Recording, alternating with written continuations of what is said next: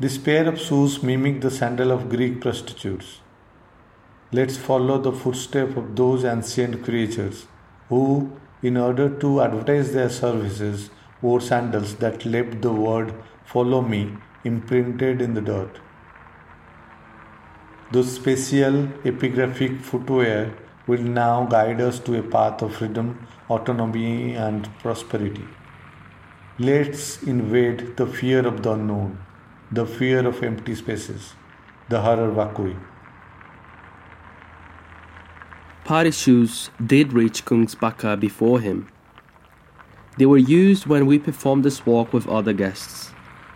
Far away, Party followed the walk on the phone. He won't be able to wear his shoes today.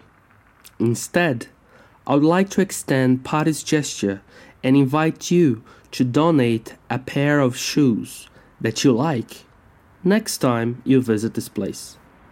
Having said that, let's look around this place. This is another POI on our list, Aleskolan. Neighboring this parking lot, you might see it. It's that beautiful red brick building standing on its own over time in enormous political pressure. A vivid public debate has occupied part of the conversation about future plans for the city.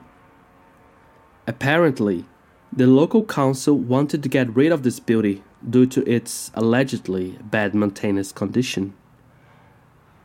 Only to realize later that this is one of the best buildings with plenty of local identity and care from culture and education workers. The real owners of the place, I must say. Long story short, the people of Kungsbacka has recently declared this place as a safe haven for education, art, and civic life. It will be re-inaugurated as a culture and civic center next year or so.